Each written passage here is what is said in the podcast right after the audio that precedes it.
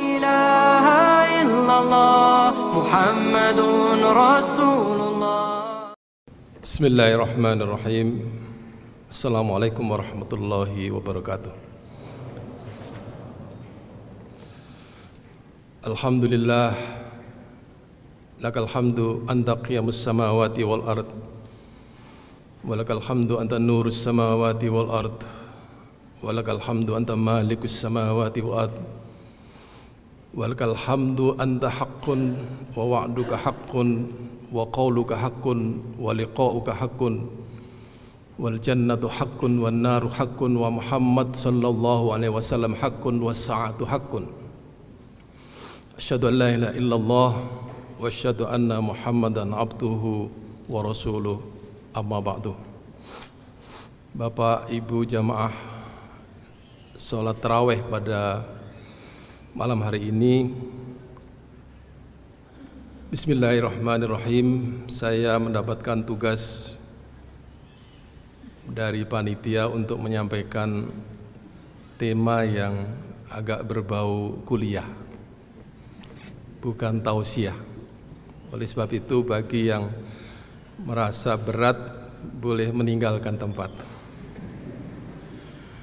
ini materi adalah materi kuliah di Unida dua semester jadi kalau disampaikan dalam waktu 30 menit kelihatannya masih kurang. Maka saya hanya menyuplik sedikit saja mengenai uh, isu mengenai worldview ini. Akan tetapi isu worldview adalah isu yang saya rasa sangat relevan untuk kita bicarakan pada saat ini. Pada waktu saya kecil itu sering membaca kata-kata Wel Tan Shong. Soekarno selalu mengatakan Pancasila adalah Wel Tan Shong bangsa, bangsa Indonesia. Saya tidak mengerti waktu itu. Setelah S3 baru ngerti. Jadi sebenarnya worldview itu adalah kata-kata yang bisa dipakai oleh peradaban mana saja, tapi istilahnya tidak bisa kita pakai secara sembarangan. Karena asli dari kata worldview itu adalah bahasa Jerman. Kemudian diinggriskan menjadi worldview. Begitu kita terjemahkan ke dalam bahasa Indonesia, dia menjadi pandangan dunia. Begitu kita masukkan ke dalam Islam, dia tidak bisa masuk karena Islam itu pandangannya dunia dan akhirat. Tidak ada kata-kata dalam bahasa Inggris yang bisa mengakomodir konsep pandangan hidup Islam. Tidak ada misalnya kita ganti menjadi the world and hereafter view. Nah, tidak ada.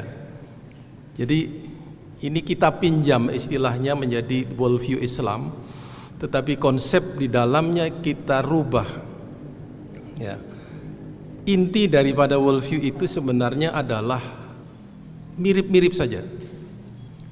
Immanuel Kant yang pertama kali menemukan konsep ini itu mendefinisikan worldview sebagai set of belief ya, that underlie and shape human thought and action. Jadi pandangan hidup itu adalah keyakinan yang mendasar ya, yang itu akan menjadi basis bagi pemikiran dan perilaku seseorang. Ini tidak ada masalah bagi kita ya, karena saya yakin dan kita semuanya yakin bahwa keyakinan itulah yang sebenarnya menuntun seluruh kehidupan kita. Apa yang kita yakini adalah yang kita jalani. Kita mulai dari apa yang mereka katakan dulu. Seorang filosof namanya Martin Heidegger itu juga mengatakan hal yang sama bahwa worldview adalah set of belief about fundamental aspect of reality. Keyakinan terhadap realitas. Tapi masalahnya di barat itu yang namanya basic belief atau keyakinan asasi tidak selalu merujuk kepada agama. Jadi set of belief about fundamental aspect of reality bisa jadi reality itu adalah empirical reality realitas yang nampak di dalam kehidupan. Dan itu yang mempengaruhi uh, pemikiran kita, cara kita memahami sesuatu dan cara kita berperilaku.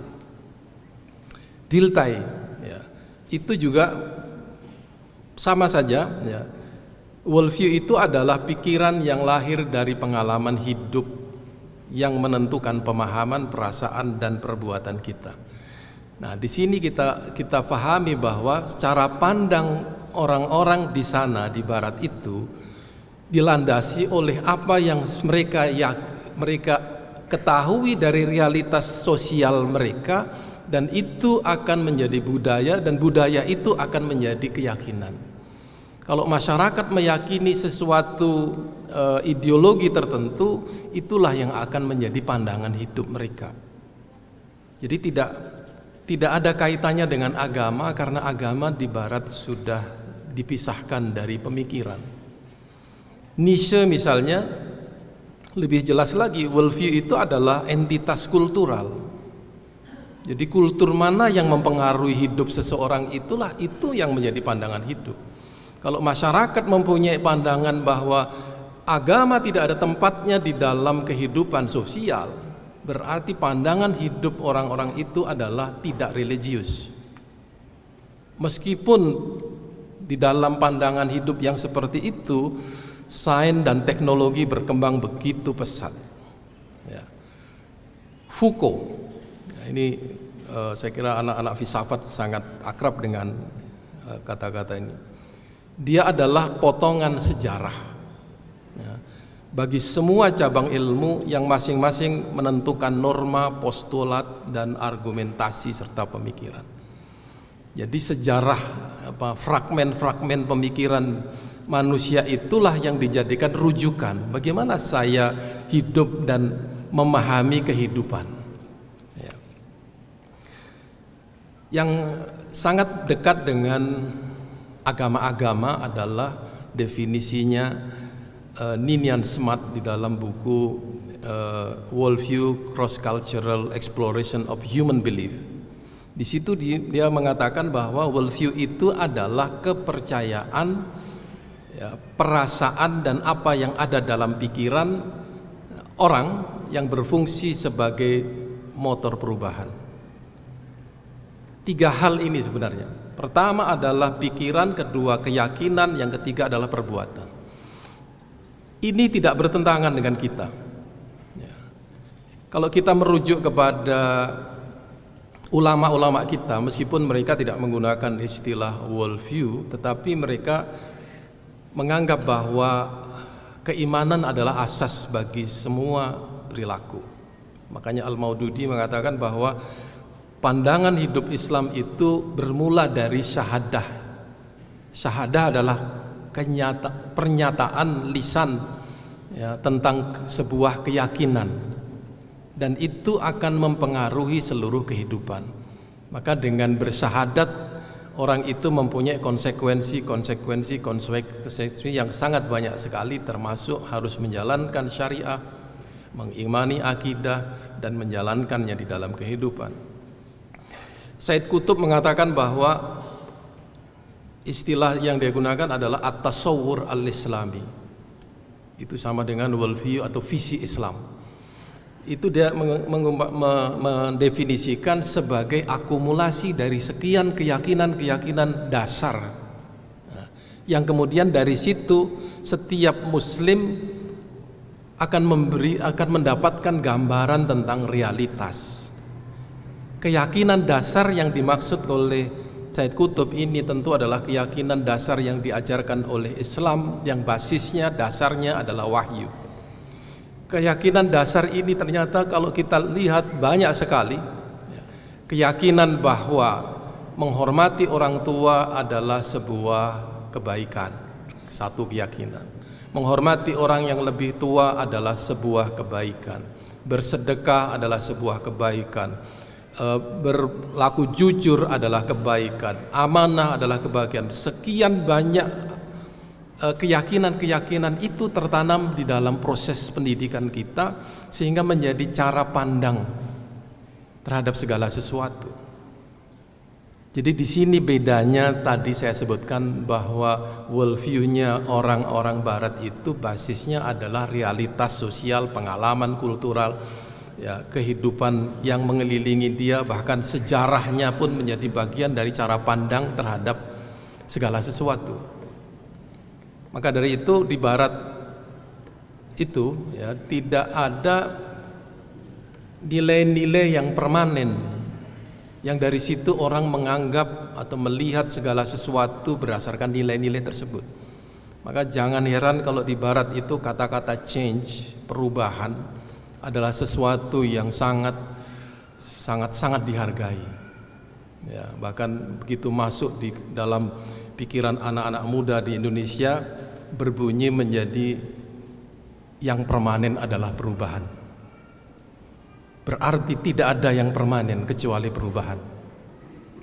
Saya jawabnya singkat saja, yang berubah tidak permanen.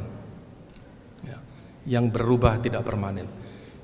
Saya ingin membela bahwa di dalam Islam, ya, sebagai seorang Muslim, saya ingin membela bahwa di dalam Islam itu ada hal-hal yang permanen yang tidak bisa ditawar dan tidak tidak bisa dirubah bukan seluruhnya bisa dirubah. Ada aspek-aspek yang berubah ya, dan Al-Quran membuka perubahan itu, tetapi ada aspek-aspek yang permanen yang tidak bisa ditawar, baik dari sisi hukum ataupun dari sisi konsep. Nah, maka dari itu akumulasi keyakinan yang dimaksud oleh Said Kutub tadi adalah keyakinan-keyakinan yang permanen. Ya. Tidak ada ceritanya menghormati orang tua dengan perkembangan zaman kemudian berubah menjadi boleh menganiaya orang tua. Pandangan yang paling uh, menarik adalah pandangan Profesor Syed Muhammad Nakib Alatas. Beliau adalah guru saya yang secara epistemologis beliau kemudian mendefinisikan worldview Islam sebagai visi tentang realitas dan kebenaran. Nah, ini agak kuliah sedikit ini. Ya. Apa sebenarnya yang disebut dengan realitas? Realitas di dalam Islam adalah realitas yang nampak empiris dan yang tidak nampak. Sebab kalau kita katakan bahwa realitas itu hanya yang nampak, berarti Tuhan tidak real. Padahal Allah itu adalah yang maha real. Sedangkan realitas yang nampak di sekeliling kita ini adalah realitas yang nisbi. Dia ada dan kemudian menjadi tidak ada. Berarti the true reality adalah Tuhan. Ini dalam Islam. Karena Tuhan itu tidak nampak secara empiris, maka banyak sekali di dalam Islam itu hal-hal yang kita harus yakini dan itu tidak nampak secara empiris. Roh misalnya, akal misalnya, jiwa misalnya, hari akhir dan lain sebagainya. Maka ketika ada eh, orang-orang uh, yang ya mungkin seorang ateis ya, di Indonesia ini menantang kita, ya orang-orang Islam ini mengucapkan syahadatnya secara uh, membabi buta dan tidak disertai dengan pemahaman orang Islam ini ditipu oleh ustadz-ustadznya katanya. Ya, karena saya bersaksi tidak ada Tuhan selain Allah dan Muhammad adalah Rasulullah. Kapan dia menyaksikan Tuhan? Pertanyaannya seperti begitu.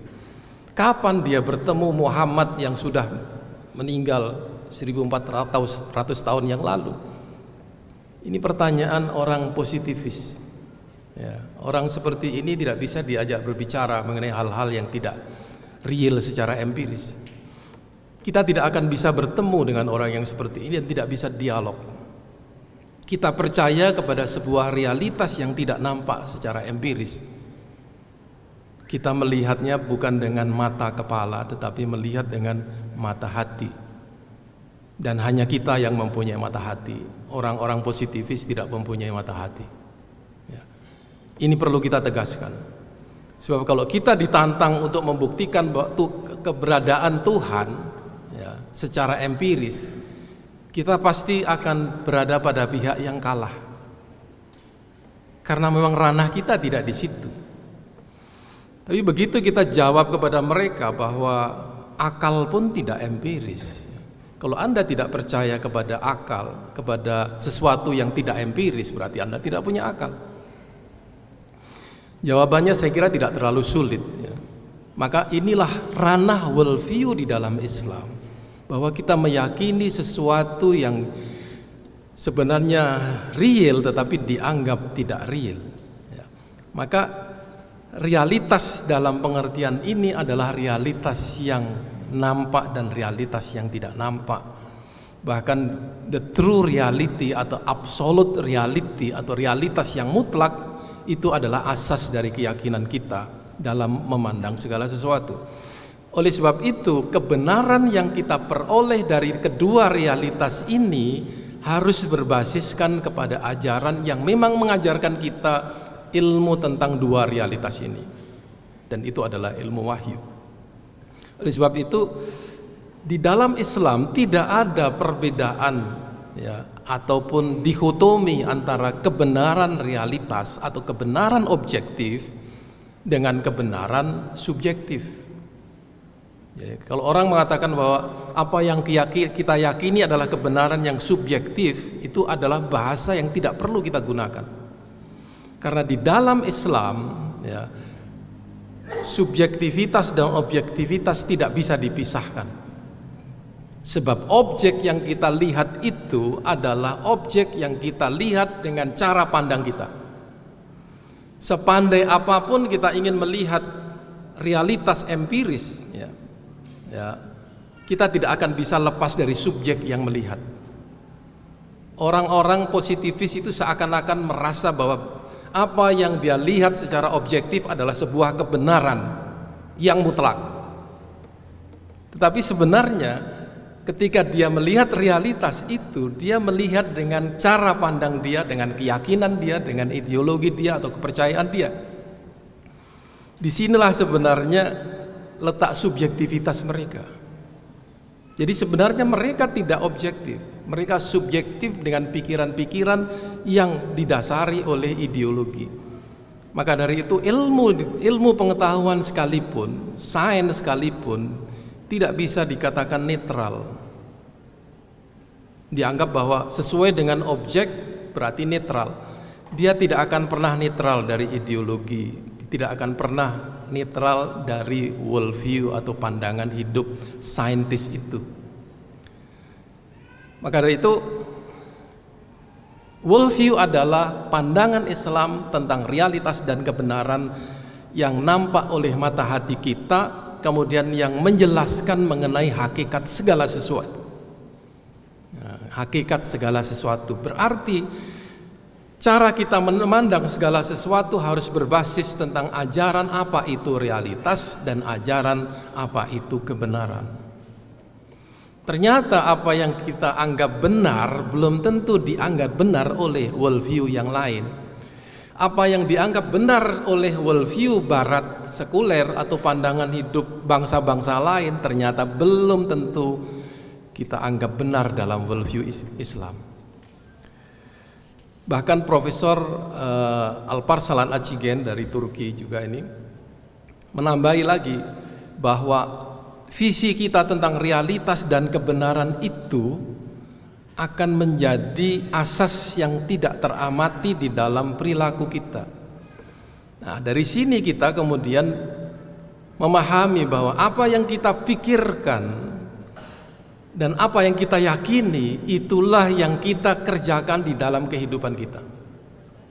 Maka dari itu seberapa perbuatan yang kita lakukan, sebaik apa perbuatan yang kita lakukan di, bisa dilacak dari keyakinan yang kita miliki. Orang yang meyakini bahwa sedekah adalah sebuah perbuatan baik dan menyehatkan, dia akan bersedekah. Tapi bagi orang yang berpikir materialistis, sedekah bagi dia adalah penghamburkan uang. Dan tidak ada istilahnya di dalam bisnis itu barokah. Ya, tidak ada. Orang tidak meyakini barokah. Ya, dia tidak akan melakukan sesuatu yang bernilai barokah itu. Ini salah satu contoh bahwa perilaku berkaitan dengan keyakinan. Nah, di dalam konteks Islam, saya kemudian menemukan uh, hubungan antara worldview yang memiliki tiga hal tadi pikiran, keyakinan dan perbuatan paralel dengan ilmu iman dan amal. Ya, pikiran itu sama dengan ilmu, keyakinan itu sama dengan iman, perbuatan itu sama dengan akhlak. Trilogi ini sebenarnya adalah inti daripada berislam, yaitu syariah, akidah, akhlak, atau ilmu iman dan amal, atau kalau dalam ilmu menjadi fikih, ilmu kalam dan tasawuf. Tiga hal ini selalu menyertai peradaban Islam, dan inilah sebenarnya kunci dari keberhasilan peradaban Islam dalam sejarahnya yang gemilang. Problemnya adalah ya, tidak seluruh umat Islam itu mempunyai pikiran yang sesuai dengan apa yang diajarkan oleh Islam. Apa itu pikiran? Pikiran itu sebenarnya adalah ilmu. Yang dimaksud syariah itu sebenarnya ilmu. Ilmu bagaimana berislam sesuai dengan yang diajarkan Al-Quran adalah dengan menjalankan syariah, memahami, menjalankan, kemudian meningkatkan diri kita dari syariah menuju akidah. Jadi pikiran itu dalam Islam tidak bisa dilepaskan dari keyakinan. Kalau di barat tadi bisa jadi orang memisahkan antara belief dengan thought atau dengan action. Di dalam Islam kita tidak bisa memisahkan tiga hal ini. Pikiran kita dengan keyakinan kita dan perbuatan kita tidak bisa dipisahkan. Dalam konteks ulul albab, ini pesanan panitianya. Kata ulu itu adalah pemilik. Albab itu adalah akal. Dari kata-kata lub. Nah, akal ini bukan sembarangan akal karena di dalam Al-Qur'an juga juga ada kata aklun ada kata uh, nafsun, ada kata-kata fuad. Tetapi ketika Al-Qur'an menyebutkan uh, inna fi khalqis samawati wal ardi wa ikhtilafil laili wan nahar la ayatin liulil albab. Kenapa penciptaan langit dan bumi ya, kemudian pergantian siang dan malam itu tanda isyarat bagi orang yang punya akal. Berarti yang tidak punya akal tidak akan paham. Oleh sebab itu, ulul albab ini adalah kelebihan ya, keistimewaan orang-orang yang akalnya khusus bisa memahami itu semuanya. Orang yang tidak meyakini uh, ini semua, dia tidak termasuk menjadi ulul albab.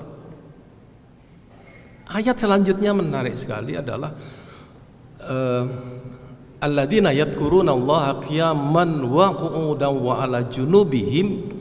Ya. Orang-orang yang berzikir kepada Allah baik dia dalam keadaan duduk berdiri atau tidur berzikir dalam pengertian ini bukan berzikir tasbih dan lain sebagainya tetapi adalah mengingat Allah. Dan mengingat Allah itu adalah salah satu tanda orang beriman maka dari itu tafsirnya adalah orang-orang yang beriman kepada Allah ya, dalam segala keadaan. Lanjutannya wa yatafakkaruna fi khalqis samawati wal ard. Dan dia berpikir tentang penciptaan langit dan bumi dia akan sampai kepada sebuah uh, apa namanya kesimpulan Rabbana ma khalaqta hadza batila. Oh Tuhan engkau tidak sia-sia menciptakan hal ini Berarti bahwa orang yang beriman dan berpikir ya, itu adalah orang-orang yang ulul albab. Makanya orang yang bisa berpikir sekaligus dia beriman itu adalah istimewa. Di barat ternyata keimanan tidak ada tempatnya dalam pemikiran. Bahkan mungkin beberapa dosen filsafat itu akan mengatakan kalau anda berpikir jangan berfilsafat. So, kalau anda beriman anda jangan berfilsafat. Ya. filsafat itu pikiran sedangkan iman itu di dalam hati. Pertanyaannya pikiran itu ada di mana? Nah, padahal di dalam Islam yang namanya hati itu adalah tempatnya berpikir Oleh sebab itu tidak bisa pikiran dipisahkan dari keimanan. Di sinilah tempatnya ulul albab itu. Nah, sekarang mari kita uh, kaitkan bagaimana ulul albab orang yang berpikir dan pikirannya itu merupakan bagian daripada keimanan itu bisa berkembang di dalam worldview Islam. Caranya adalah mudah. Keberislaman kita harus dimulai betul-betul dari pikiran. Ya, kita memahami menjalankan Islam harus dengan kesadaran. Itu inti inti daripada kata-kata ad-dinu aklun ladina liman la aklalahu. Agama itu adalah akal. Tidak beragama orang yang tidak berakal. Nah, orang yang gila, orang yang tidak uh, normal itu tidak wajib beragama. Nah, ada lagi sholat misalnya. Sholat itu tidak boleh dilakukan oleh orang yang dalam keadaan tidak berakal. Seperti apa misalnya? Seperti ketika dia mabuk. Ya, Janganlah engkau sholat kamu dalam keadaan mabuk. Oh di sini baru kita tahu bahwa sholat itu harus disadari. Sayyidina Umar kemudian membuat catatan ya, tentang sholat. Sholat yang benar itu seperti apa sebenarnya? Illa idha akolahu. Sholat yang benar adalah sholat yang dia sadari, dia pikirkan. Nah, semua bacaannya dia fahami dan itu merupakan bagian daripada pendekatan dia uh, uh, ibadah dia kepada Allah Subhanahu wa taala. Sama juga sholat, puasa, zakat, haji sebagai rukun Islam. Ini uh, rukun Islam yang lima ini adalah bagian daripada cara kita membersihkan pikiran kita, cara membersihkan harta kita, cara membersihkan jiwa kita. Maka seluruh rukun Islam itu adalah bagian dari tazkiyatun nafas pensucian jiwa kita. Untuk apa disucikan? Untuk supaya kita bisa beramal. Nah, ketika kita mensucikan jiwa kita itu, kita akan meningkat keimanan kita. Maka dari itu di dalam berpuasa ya, itu ada catatannya. Puasa yang diterima sebagai pengampun dosa itu yang seperti apa? Puasa yang imanan wahtisaban man soma ramadhana imanan wahtisaban ghufira ma taqaddama min dambihi artinya bahwa puasa yang tidak disertai keimanan dia tidak akan berdampak kepada ampunan dosa berarti syariah harus disertai dengan akidah ini beberapa waktu lalu omongan saya jadi viral kemudian menjadi fitnah saya bilang syariah saja tidak cukup. Kemudian diserang di mana-mana saya. Saya bilang syariah itu hanya alat untuk bisa beramal dan meningkatkan akidah. Tidak tidak tidak menggunakan akidah, syariah tidak ada gunanya. Ya. Tidak ada akidah syariah tidak akan mempunyai dampak apa-apa. Makanya inna salata tanha anil fahsya wal munkar itu apabila sholatnya disertai dengan keyakinan dan keimanan. Setelah itu adalah keyakinan, meningkatkan syariah menjadi keyakinan. Keyakinan yang kita tingkatkan itu ada di dalam hati kita. Keyakinan itu jumlahnya eh, rukunnya hanya enam, tetapi cabang-cabangnya dalam bentuk amal itu ada 77. Di antara cabangnya itu adalah berpikir yang benar, melakukan perbuatan yang benar, amanah, jujur, berbicara yang jujur dan lain sebagainya. Orang tidak akan jujur kalau dia tidak bisa berpikir benar. Orang akan korupsi kalau dia berpikir salah. Maka di sini pentingnya orang mempunyai akidah yang benar, kemudian didasari oleh syariah yang benar dan direalisasikan dalam bentuk amal-amal yang benar. Amal itu ada yang sifatnya individual, ada yang sifatnya sosial, ada yang sifatnya intelektual. Ya. Orang itu berfik, bisa berpikir salah kalau akidahnya salah. Sebagai contoh misalnya, ketika seorang itu rajin berdoa, rajin sholat, ya, dia berharap dengan sholatnya itu dia bisa kaya. Sudah bertahun-tahun sholat dia tidak kaya-kaya. Dia tidak paham dengan apa yang dimaksud dengan syariah itu. Tuhan tidak akan memberikan sesuatu permintaan misalnya kecuali Tuhan itu akan tahu akibatnya ya, akan tahu lebih bijaksana daripada yang meminta ya. Tuhan masih menguji dan Tuhan tidak akan membiarkan orang mengatakan saya beriman kecuali diuji oleh Tuhan dulu nah, di sini dari muslim menjadi mukmin ini ujiannya berat ya. jangan dikira anda kemudian mengaku muslim mukmin di dalam surah Al-Hujurat jelas sekali wa qalatil a'rabu amanna qul lam tu'minu walakin qulu aslamna walamma yadkhulul iman fi qulubikum. Orang-orang Badui itu datang kepada Rasulullah kemudian mengatakan, "Saya beriman ya Rasulullah." Turun ayat ini. Bilang kepada orang-orang Badui itu, "Anda belum beriman." Bilang mereka kepada mereka, "Anda baru berislam." Baru menjalankan rukun Islam. Ya. Walamma yadkul iman fi Iman belum masuk ke dalam hati. Hati itu apa? Hati itu adalah tempat kita berpikir. Tempat kita meyakini sesuatu, tempat kita berbuat sesuatu. Kalau hati kita ini belum dimasuki keimanan, pasti di dalam hati itu ada sesuatu yang bertentangan dengan keimanan. Ada satu hadis yang yang bisa menunjukkan hal ini.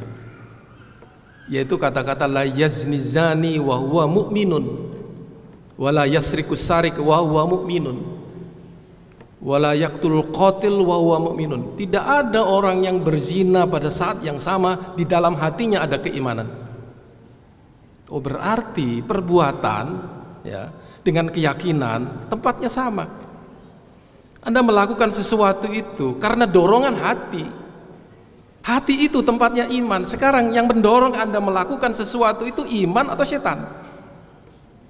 Pertanyaan ini bisa untuk kita semuanya. Itu perbuatan, pikiran juga begitu. Jangan dikira tidak ada setan yang mengganggu pikiran kita. Ya. Yuwaswisu fi sudurin nas itu adalah mengganggu pikiran. Ya. Yuwaswisu fi sudurin nas yang mengganggu sholat-sholat kita ini menjadi tidak khusyuk. Berarti tempat keimanan dan perbuatan itu di situ. Maka dari itu iman yang betul adalah iman yang dilaksanakan di dalam perbuatan dan perbuatan itu tidak hanya sekedar sesuatu yang sifatnya jasmani, dia ada aspek rohaninya, ada aspek pikirannya. Kalau kita ingin meningkatkan amal soleh kita ya, itu mudah. Kita perbanyak amal-amal soleh tetapi komitmen kita kepada keimanan itu menjadi nomor satu. Orang bisa saja melakukan perbuatan sekian banyak kegiatan sosial menolong orang tapi dia kadang-kadang lupa bahwa itu adalah bagian dari keimanan ini penting sekali dan saya rasa problem terbesar umat Islam adalah ini maka ketika kita ditanya, itu yang korupsi kok banyak orang Islamnya ya? Berarti agama Islam ini bermasalah. Ini kesimpulan yang uh, apa near worldview. Nah, kesimpulan yang tanpa worldview tidak ada konsep. Ya. Jadi setiap ada kejahatan dikaitkan dengan apa yang diyakininya. Orang korupsi itu bukan karena dia seorang muslim yang baik Ya, dia salah dalam berislam. Orang mencuri, orang membunuh, dia agamanya Islam tetapi ingat tadi ya, dia baru pada tingkat muslim belum mukmin. Tidak ada ceritanya seorang mukmin itu membunuh, korupsi, berzina dan lain sebagainya. Itu tingkatannya baru muslim. Muslim pun kadang-kadang muslim yang sholatnya bermasalah, puasanya bermasalah dan seterusnya. Ini ya. Di atas iman masih ada lagi yaitu ihsan. Ya, ihsan adalah sebuah peringkat berislam yang paling tinggi yang itu merupakan sebuah kesadaran berpikir, berbuat, merasa, melihat dan lain sebagainya. Ini Islamnya orang yang di bawah CCTV Tuhan. Ya, dalam bahasa hadisnya adalah antak budallah ka'annaka tarahu. Ya, kamu menyembah Tuhan ya kalau di bahasa modernnya seakan-akan Tuhan punya CCTV di setiap tempat. Hmm. Tuhan mempunyai CCTV di kantor, di rumah, di jalan dan lain sebagainya. Fa ilam takun tarohu fa innahu yaroka. Kalau kamu tidak merasa dilihat, kamu harus yakin Tuhan melihat kamu. Sejauh mana kesadaran kita? Di sinilah menjadi pertanyaan muhasabah kita di bulan puasa ini. Kalau semua orang Islam cara berpikirnya seperti tingkat ihsan, saya kira negeri ini aman-aman aja. Kalau masalah minyak goreng kecil itu. Masalah apa namanya? E, jaminan hari tua ah, itu kecil. Orang semuanya tawakal. Saya masih ingat di daerah Rokan Hulu di Sumatera. Itu bupatinya sangat religius. Dia dirikan seribu suluk jadi semua orang di kabupaten itu dikasih tempat-tempat dia tak korup kepada Allah, berzikir kepada Allah. Pencurian menjadi 0%. Kemudian eh, apa namanya? korupsi di kabupaten sampai camat sampai desa 0%. Ya. Ada satu dua yang masih mencuri begitu.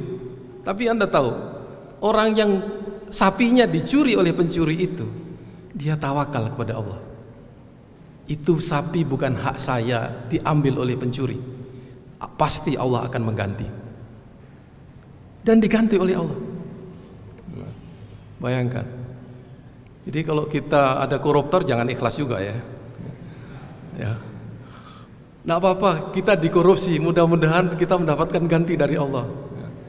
tapi masalahnya kita ini bukan orang mukmin yang yang betul-betul oleh Allah dilihat bahwa orang ini diuji lulus atau tidak Kadang-kadang kita marah-marah dengan apa yang terjadi di negeri ini. Kemarahan kita ini bukan kemarahan yang berbasis kepada giroh dinia. Kemarahan kita karena kita lapar. Nah, ini kesalahan bukan di tangan kita. Kesalahannya ada di tangan pemimpin. Jadi pemimpin itu Bapak Ibu sekalian, kalau dia menyengsarakan rakyatnya, dosanya itu adalah sejumlah rakyatnya jadi kalau rakyatnya 270 juta, dosanya 270 juta. Apalagi kalau rakyat itu semuanya merasa bahwa dia tidak makmur, tidak bisa hidup dengan tentram, dengan uh, apa namanya, hidup dengan normal karena kebijakan seorang pemimpin. Di sini, ini hadis ini. Jadi cara berpikir pemimpin perlu di benarkan worldview-nya, cara berpikir rakyatnya juga perlu dibetulkan. Jadi saya singgung tadi kalau seandainya tingkatan kita ini adalah tingkatan mukminin saja, belum muhsinin. Ya, itu kita akan menang. Ternyata ada ayatnya, ya, jaminan Allah itu berbunyi walan yaj'alallah lil kafirina 'alal mu'minina sabila.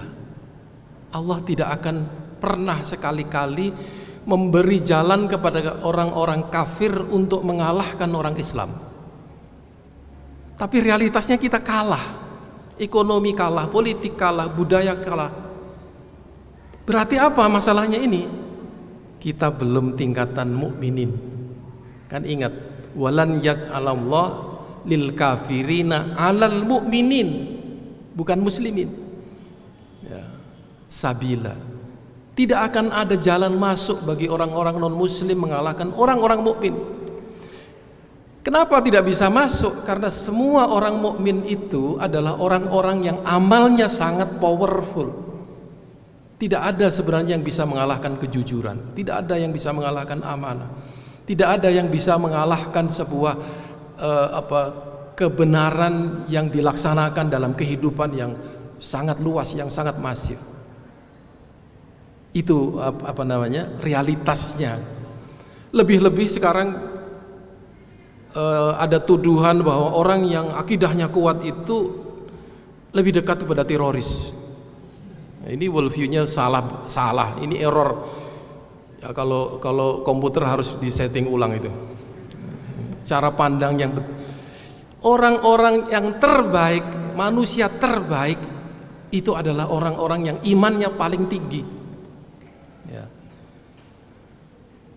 Hadisnya jelas akmalul mu'minina ahsanuhum kulukon sesempurna sempurnanya orang adalah yang akhlaknya baik. Orang yang beriman itu akhlaknya baik.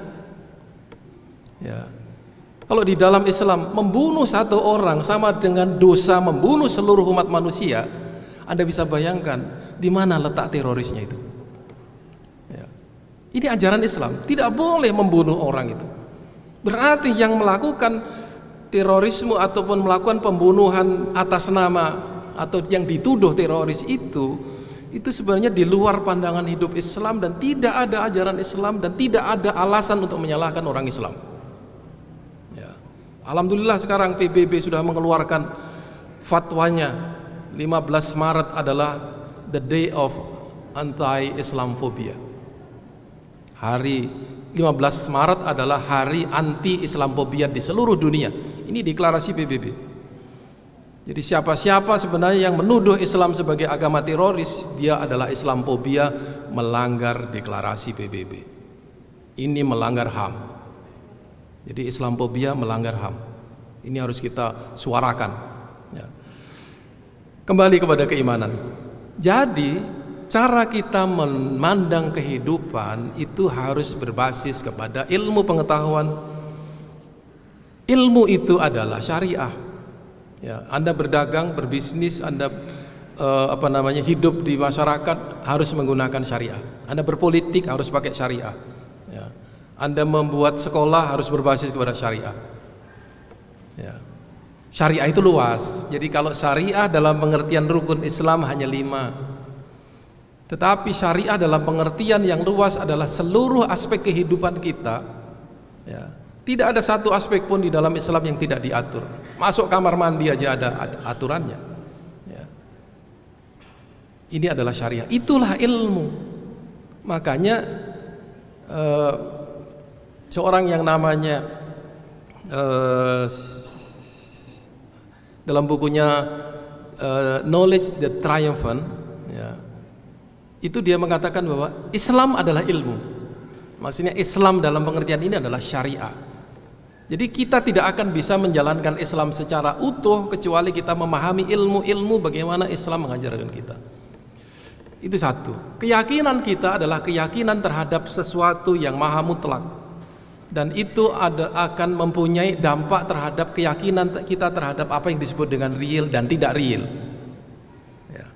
Dan itu akan berdampak kepada apa yang harus kita lakukan terhadap realitas itu. Maka iman di dalam Islam itu ada tiga aspek pernyataan dengan lisan, keyakinan di dalam hati dan realisasi dalam perbuatan. Ini iman. Jadi orang yang beriman mestinya itu beramal soleh. Kalau dia tidak beramal soleh berarti masalah dengan keimanannya atau kurang. Makanya dalam hadis disebutkan iman itu ada 77 cabang. Dia akan bertambah dengan banyaknya cabang yang dia lakukan, dan dia akan berkurang dengan berkurangnya cabang yang dia lakukan. Nah, di sini kaitannya dengan ulul albab adalah ketika seorang beriman dan dia harus berpikir, maka pikirannya harus berbasiskan kepada keimanannya. Nah, keimanan itulah yang akan mendorong kita beramal dan berpikir. Nah, oleh sebab itu kata ulul albab atau kata albab itu adalah akal atau pikiran yang diberi cahaya oleh Allah. Makanya dalam pengertian lain ulul albab adalah intelektual mukmin bukan muslim. Intelektual yang beriman. Basisnya adalah ayat yang saya baca tadi yadhkurun wa yatafakkarun pada saat yang sama. Itu yang bisa saya sampaikan pada kesempatan ini. Mudah-mudahan kita diberkahi pada bulan Ramadan ini. Ya, mudah-mudahan puasa kita ini juga puasa yang berakhir dengan ketakwaan la'allakum tattaqun dan mudah-mudahan yang kita laksanakan ini basisnya adalah keimanan. Ya, kita kaitkan terus apa yang kita laksanakan ini dengan keimanan kita dan kita kaitkan segala sesuatu itu lillahi taala.